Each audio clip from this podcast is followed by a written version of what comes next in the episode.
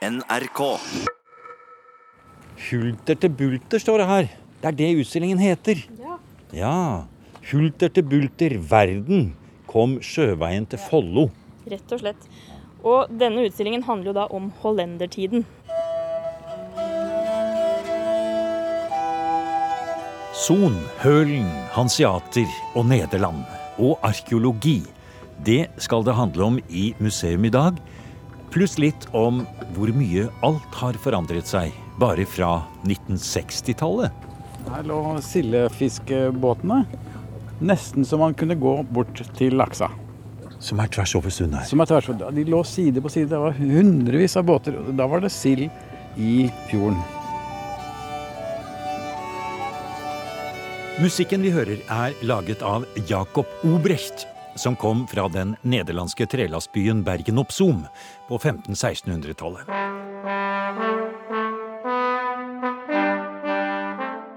Så dette var kanskje tidens melodi, da hollandske kjøpmenn kom i sine skuter til mange havner, både langs Agderkysten og begge sider av Oslofjorden, for å kjøpe tømmer og trelast på 1600-tallet.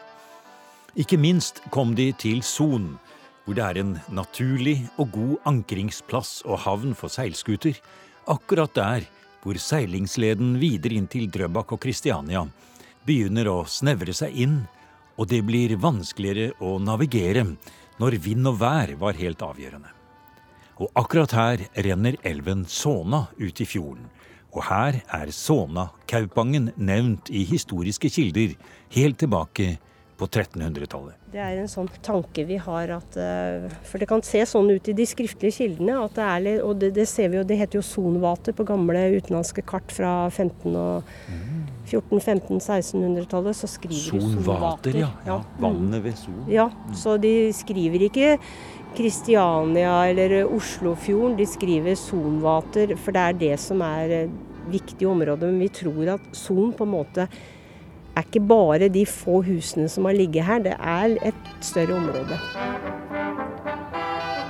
Reidun Aasheim og Marianne Johansson er arkeologer i Akershus fylkeskommune og skal være våre veivisere til Son under son, som også er tittelen på boken de har skrevet sammen med historiker Finn Einar Eliassen.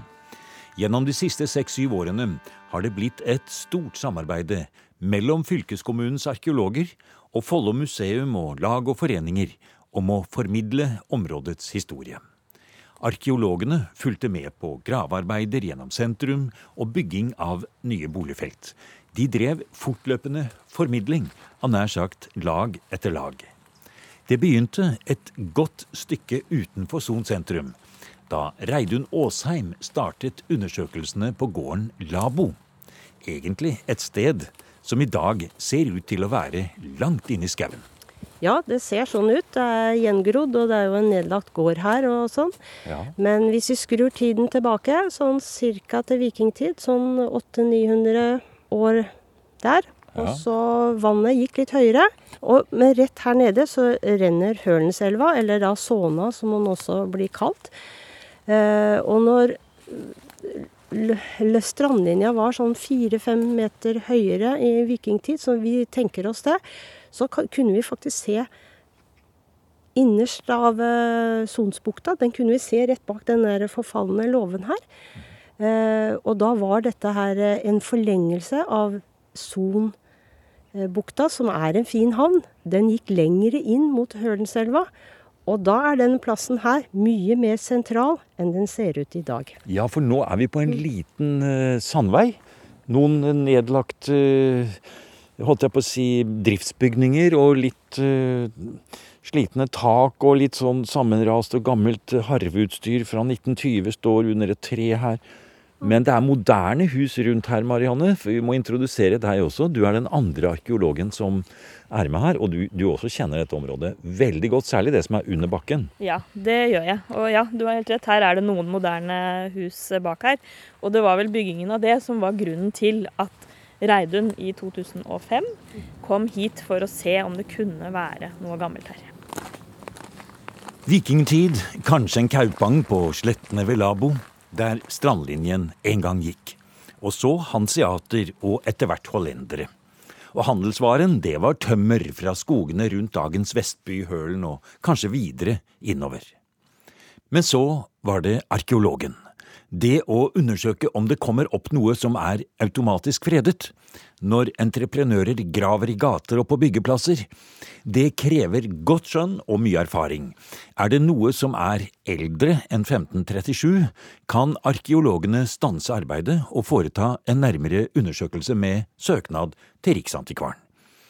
Er det yngre, for eksempel fra hollendertiden, 1600- og 1700-tall, for ikke å snakke om relativt moderne tid, 1800-tallet og kanskje helt inn på 1900-tallet, så gjelder ikke loven om automatisk fredning. Det er den store utfordringen for historisk arkeologi. Når skal man bare stå og se på at lastebillassene forsvinner, fullastet med historie fra yngre middelalder og moderne tid? Men det var ikke helt sånn det var for arkeolog Reidun Aasheim, som fulgte gravemaskinene på Labo. Nei, vet du hva, jeg hadde litt flaks. Fordi at jeg fant ett lite keramikkskår som var eldre. Jeg fant ett skår som er datert til 1000-1100-tallet, det vi kaller østersjøkeramikk. Og på det så klarte jeg å si denne her er automatisk freda, må undersøkes før det kan bygges. Men hadde jeg ikke funnet det skåret, så hadde jeg hatt vanskelig å overbevise at det skulle undersøkes. Ja. Så litt flaks var det, men samtidig så så, så, så jeg at dette ikke var 1800-tallskeramikk. Jeg så at det var 1600-tall, og da tenker jeg fort mm, Er det 16, kan det fort være 15. Er det 15, er det fort er det 14. Så, så jeg hadde litt sånn magefølelse. Nei. For det er jo litt av det som er grunnen til at eh, vi er her i dag. Det er jo nettopp dette at vi skal forsøke å fortelle denne historien om hvordan dere får altså, til et samarbeid. Hvordan det blir positivt. Hvordan et, noen skår, keramikkskår oppi her langt ute i skauen leder til det som man har i dag. Altså en flott bok som vi har sett på, og utstillinger. Og faktisk en fortelling om hele Son. Det, er- det handler om formidling. Å være flink til å formidle og gi tilbake. At ikke vi arkeologer Det er ikke vi som eier historien. Det er jo de som bor der, som eier historien. Så, så, det, så formidling, det er jo Det ligger jo både Marianne og, og mitt sitt hjerte veldig nære, ikke sant. Og det, vi har jo, har jo de, vår ledelse i ryggen når det gjelder det med formidling. Mm. Da kan jo fortelle det som skjer. Altså Først er du ute i 2005 og registrerer og finner boplassen. Og finner det ene skåret med middelalderkeramikk. Og var det året etter det ble utgravning, og man finner da boliger man finner fra vikingtid og middelalder, og en masse, masse gjenstander. Og etter den utgravningen så flyttes da 13 lastebillass med jord som herfra, fra utgravningsstedet, til Follo museum. Og så har man siden da brukt det til et, eh, Den kulturelle skolesekken-opplegg, hvor barn går igjennom masser. Og det er det jo Reidun som stå, står for. Og da er det jo faktisk ekte vare. Barn leiter gjennom jorda. altså De får det i kasser med netting og spyler frem gjenstander. Og er med på å finne flere funn nettopp herifra. Og i herifra. år så er det det tiende året jeg skal stå der. Vi har et lite jubileum i år. Eh, og den gleden ved å stå der, og når ungene spør ja, hva har du putta oppi haugen her, og litt sånn, fordi jeg er vant til sånn fornøyelsesparker og sånn, så sier jeg nei. Så forklarer jeg. Det her er det vi arkeologer ikke rakk. Nå Så, skal så dere nå er dere arkeologene, Ja, så nå er dere arkeolog. Og så ivrig de ungene er. Det, det er en stor suksess. Ja, og da kommer det fram sikkert, for å gjette, både mer keramikk, både fra hollendertid og etter. Kanskje noe eh, krittpiper. Kanskje Ja, hva for noe annet? Ja, vi har sølvmynter, perler, eh, knapper. Vi har også selvfølgelig masse keramikk, men vi finner jo også ting fra vikingtid. Vevlodd og spinnehjul, og, og vi finner klebersteinskar. Så det, det er jo ikke småtteriungene Ja, så du, du har jo en helt superbegeistret gjeng av bitte små Indiana Jones-arkeologer. De, de får jo da noe av den følelsen som vi også får. For det, det tenker jeg, den entusiasmen vi har, det, det slutter aldri. Og den følelsen da, å plukke noe opp av jorda og tenke Sist gang noen tok på dette vevloddet, så var det hundrevis av år siden. Det er en veldig spesiell følelse, og du ser at barna får den samme følelsen.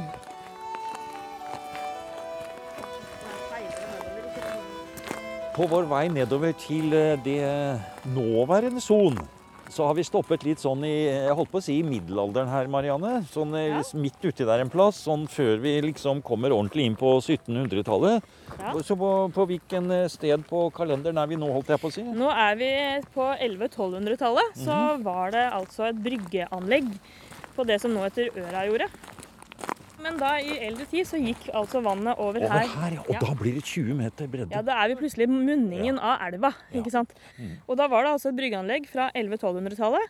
Men det er fortsatt i bruk på 1600-1700-tallet, da man bare flytta bryggene litt grann ettersom vel vannet har ja, trukket seg litt tilbake. ikke sant. Så det har en lang. Havnivået synker litt, og utfyllingen. Og utfyllingen For her var det lenger opp er det sagbruk, sagbruk. Ja. Ja, nettopp. Ja. Eh, Så det fylles opp med sagflis og, og mudder. Og det som er et viktig poeng da, det er jo at dette området her, det er i bruk både når hovedaktiviteten er på Labo, og når det er flyttet til sentrum. Og nettopp forbindelsen mellom Labo og den gradvise utbyggingen av det som er Son sentrum i dag, er det som gjør funnmaterialet på Labo så spennende for arkeologene. For det var ikke bare spor etter gårdsanlegg de fant.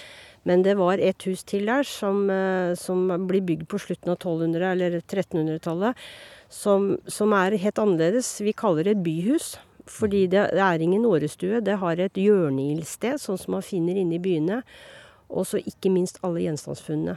Det, her, Og, det og masse vindusglass. ja, masse vindusglass. Og vi har faktisk et vindusgård som vi har som er fra 1500-tallet, som er et sånn venetiansk, veldig kostbart eh, vindusglass. En sånn veldig rund, håndblåst liten eh, sak. Plassen blir forlatt før 1750.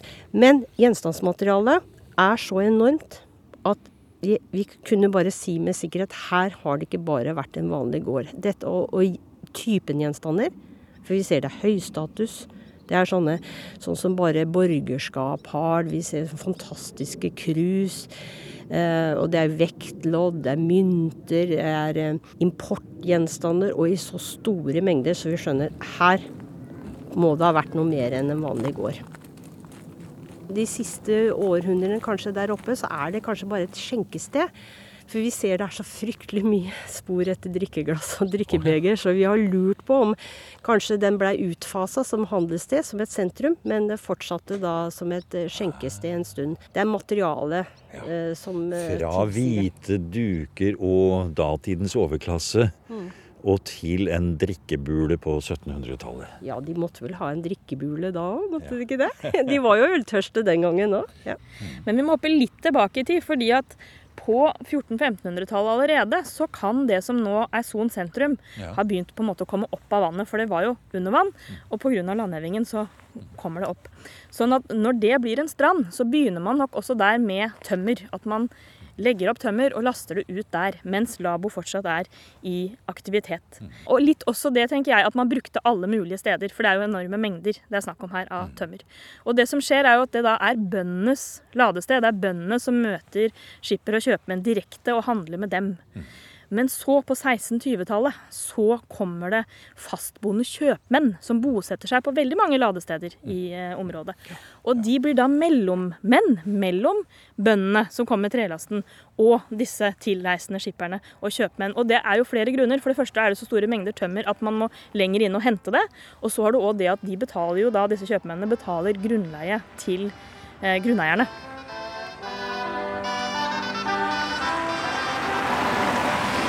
Står vi jo akkurat i, i svingen der vi har kommet ned. eh, Man svinger ned mot Son, og så, er det, så svinger gata lite grann. Eh, og i det området her et sted Nå må vi ta et skritt Ja, tilbake, et skritt tilbake. for det kommer en bil. Ja. Ja, og Så trangt er det her. Til og med to biler. Helt inntil oss. Den skal enda lenger bak der, ja. Ja, det er jammen trangt her. Men her har dere vært nødt til å stenge gatene noen ganger. Ja, det har vi. Vi har jo eh, gravd i Son i mange omganger. I både 2011 og 2012 og 2013 i sammenheng med forskjellige anleggsarbeid. Eh, og da var vi jo her eh, fordi man tenkte at det kunne være funn fra middelalder. Så jobben min i utgangspunktet var å følge med nedover.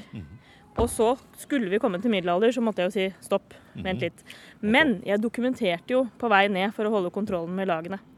Og vi kom aldri til noe som var eldre enn 1600-tallet. Og da har du et problem, for da er det ikke automatisk fredet. Da er det ikke automatisk freda. Men det vi har gjort, er jo at vi da har dokumentert, vi har tatt inn en masse gjenstandsfunn, og det har vi jo da brukt til å finne ut mye mer om historien. Sånn at selv om det ikke er eh, fredet, så har vi veldig, veldig mye av kunnskapen. Og noe er jo da gravd bort i sammenheng med anleggsarbeidet, men det ligger fortsatt mye mer bevart. Og du har jo faktisk da eh, på en måte rekonstruert på et kart, for dere har lagd en fin Ja. bok om dette her. Ja. Eh, ja, forresten, den boka, Ja. hvordan ble den til? Det er boka 'Son under son', heter den da. Det er jo et samarbeidsprosjekt mellom da meg og Reidun og historiker Finn Einar Eliassen. Og det samarbeidet er veldig spesielt. Jeg og Reidun har jo holdt omvisninger i Son gjennom mange år. Og for noen år siden så satt vi i bilen på vei hit og skulle snakke. Og så satt vi og lekte med tanken at det hadde vært veldig morsomt å skrive en bok. Men da trenger vi en historiker, sa jeg. Og så lo Reidun og sa ja, vi bestiller en historiker. Og så kom vi nå ned hit og holdt omvisningen vår, og det var en mann som nikket og smilte hele tiden. Og når omvisningen var ferdig, så rakte han ut hånda og sa Finn Einar Eliassen, historiker, kan vi samarbeide? Og det kunne dere, og det, Det ble en vi. bok. Men Det Reidun, dette her med historikere og arkeologer, det er jo rett i kjernen av det vi holder på med her nå. Når vi går rundt i dette området hvor dere har gravd så mye med historisk arkeologi.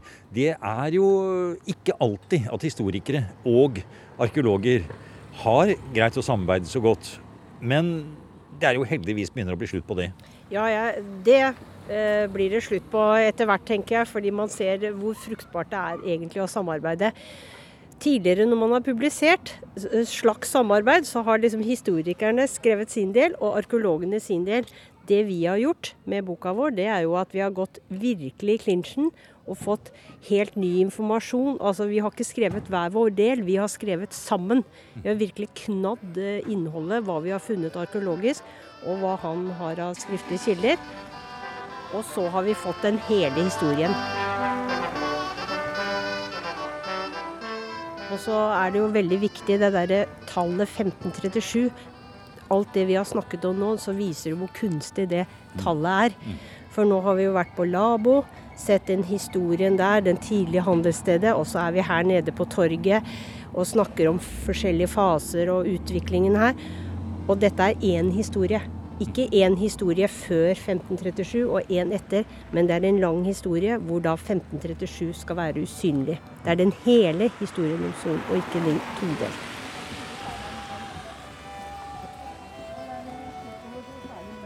Snakke litt om labohesten òg. Å, labohesten, ja. Den står her. Nei, men se på den. Ja, den må vi snakke om. Nå går vi ut på gressplenen her. Helt nede i havda i Son. Der står det en bronsehest.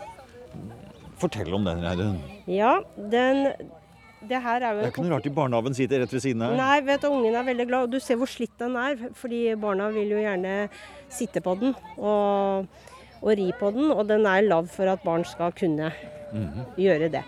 Eh, det her er jo en kopi. En stor kopi Ja.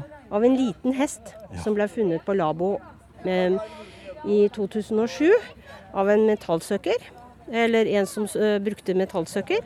Originalen er et lite vektlodd som er formet som en hest. Den er fra middelalder. Den er jo veldig eh, tiltalende. Eh, men vi har jo skjønt at den har jo levd sitt eget liv. Fordi Marianne og jeg vi har jo drevet mye med formidling sammen med andre om Sons historie, og plutselig, ved en tilfeldighet, så oppdaga jeg at til salgs et sted jeg var, så lå det en hel haug med et spill som heter Follo-spillet. Med bilde av labohesten. Og da kan Marianne fortelle nøyaktig hva som sto på Jeg husker ikke nøyaktig hva som sto der, men poenget med brettspillet, det var rett og slett at statuen her i sentrum skulle avdukes, men originalen som skulle vises frem, er borte. Så spillet går ut på at man må finne den originale labohesten, vektloddet, og få den tilbake til Son sentrum før åpningsarrangementet for statuen.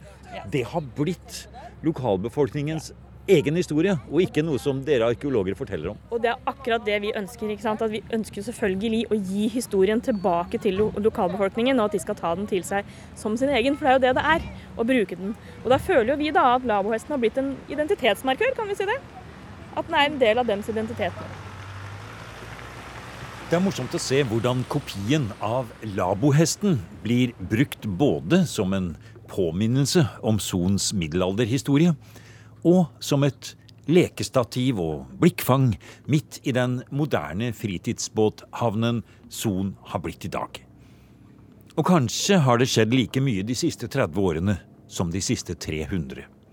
Helt i starten av programmet hørte vi lokalhistoriker og fastboende, formann i Vestby historielag, Jørn Svendsen, fortelle om hvordan det ikke er så lenge siden det lå fiskebåter tett i tett tvers over hele havnebassenget når det var sild i Oslofjorden.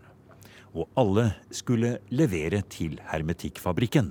Ja, og den fabrikken, den lå der borte. lå der, ja. rett der borte på brygga. Akkurat. Så, og den, det var det vi kalte for sildefabrikken. Ja. Gikk det under lokalt. Men, eh, og, og der var det da folk eh, som eh, importerte unge jenter fra Haugesund eller Vestlandet. Og de bodde i noe som vi kalte for Hønehuset. I, de ble stavla inn i et hus som lå der borte på. Der altså. Og, og de jobba da der borte på fabrikken. Ja. Og mange av dem ble her. Fant seg ektemenn og ble boende her. Og de holdt sammen i alle år etterpå også. Ja, Ja. nettopp. Og du, når begynte du å tråkke rundt her, da? ja, det var først sent på 50-tallet. Ja. Ja. Som, eh, og da var jeg her eh, i form av at jeg var vel med min far, som fiska reker ute i fjorden her sånn. Så du har vært fisker òg, du? Ja. Nja, jeg, jeg har vel aldri vært fisker, men eh, faren min var fiska reker. Og han gikk da i land her på brygga her sånn, hos han Johan på brygga, og leverte da den fangsten sin. Og det var jeg med på tidlig. Og da eh, Det var ja, det var en stor opplevelse å, å være med på det. Og man lærte jo, man var jo nært da hvor var det foreldrene hva de gjorde om dagen, og, og, og hva de, hvordan de tjente pengene sine. Det er ikke så ofte man ser i dag, da. Vi går litt til bortover brygga Ja. her nå, Jørn. Skal vi se litt. Nå går vi her blant turister og fastboende Ja. og pensjonister. Det har forandra seg en del.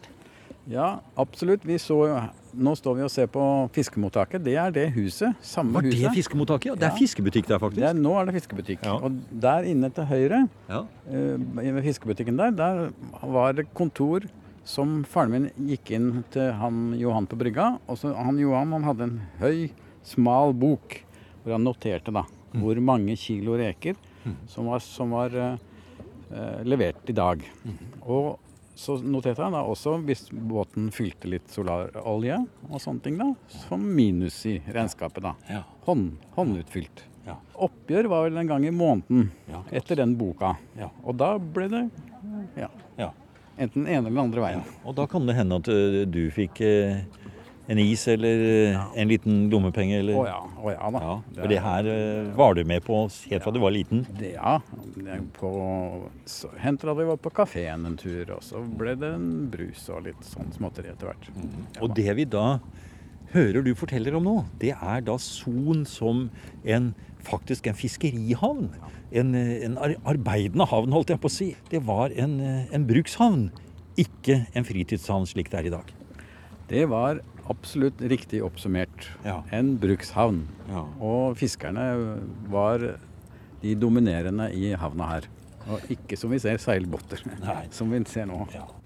Fiske, fiskelivet i Son, og der jeg fra Kjøvangen, da, der jeg bodde, det var, gikk opp og ned. Noen ganger så hadde man gått med rundelig med midler, og andre ganger hadde vi ingenting. Eller lite. Men eh, det var fordeler, for vi spiste jo fisk. Det var jo biprodukt. Var jo i reketrålen, det var jo fisk, så vi hadde jo da eh, fisk til middag. eh, Selvberga eh, hele uka omtrent. Sjøkreps f.eks. fikk vi mye av. Det var ikke salgsvare den gangen. Så Det ville ikke folk ha. Nei, så, så, det var, så det spiste vi da til, som mat. Mm. Og det er ikke noe, det er ikke noe dum eh, kosthold, det. Nei. Reker og jordbær og, og, og sjøkreps. Ja, Nei, det vokste vi bra på. Ja, Det er rart å tenke på denne kontrasten mellom det du beskriver som en nøktern, og ikke akkurat fattig, men en nøktern og arbeiderklasseorientert livsstil. Men maten var altså det som man i dag forbinder med aller øverste sjikt. Det, det, kan du absolutt si. Ja. Det er litt interessant. Ja. Men hvordan er det her, Jørn, å stå og se utover havna her nå i dag, da? Og så ta inn det her? Det er jo noen ganger man sier at vi ser forskjellige ting når to mennesker står og ser på én og samme ting. For du ser jo også hvordan det var her før. Du ser disse endringene. En som ikke har vært her før så mye, ser jo bare det vi ser her nå. Nei, altså det, det er nostalgisk. Jeg opererer da en del med bilder, og samler inn bilder i, form, i historielaget. Og, og, jeg ser jo mye av forskjellene via, via bilder, men det er ikke noe å gjøre med det. Altså Vi kan eh, prøve å bremse på utviklingen og, og se og, og, være grinete og litt sånn uh, bakstreverske, men, men, men det, det, var jo ikke alt som var bedre før, Jørn? Nei det, er, nei, det er det jeg sier. Så alt var ikke bedre før. Og det, det vi godtar sånn som det er, og hvordan det har blitt. Og vi kan ikke gjøre noe med det. Du har nå hørt en podkast av programmet Museum fra NRK P2. Og send gjerne en e-post til museum krøllalfa nrk.no.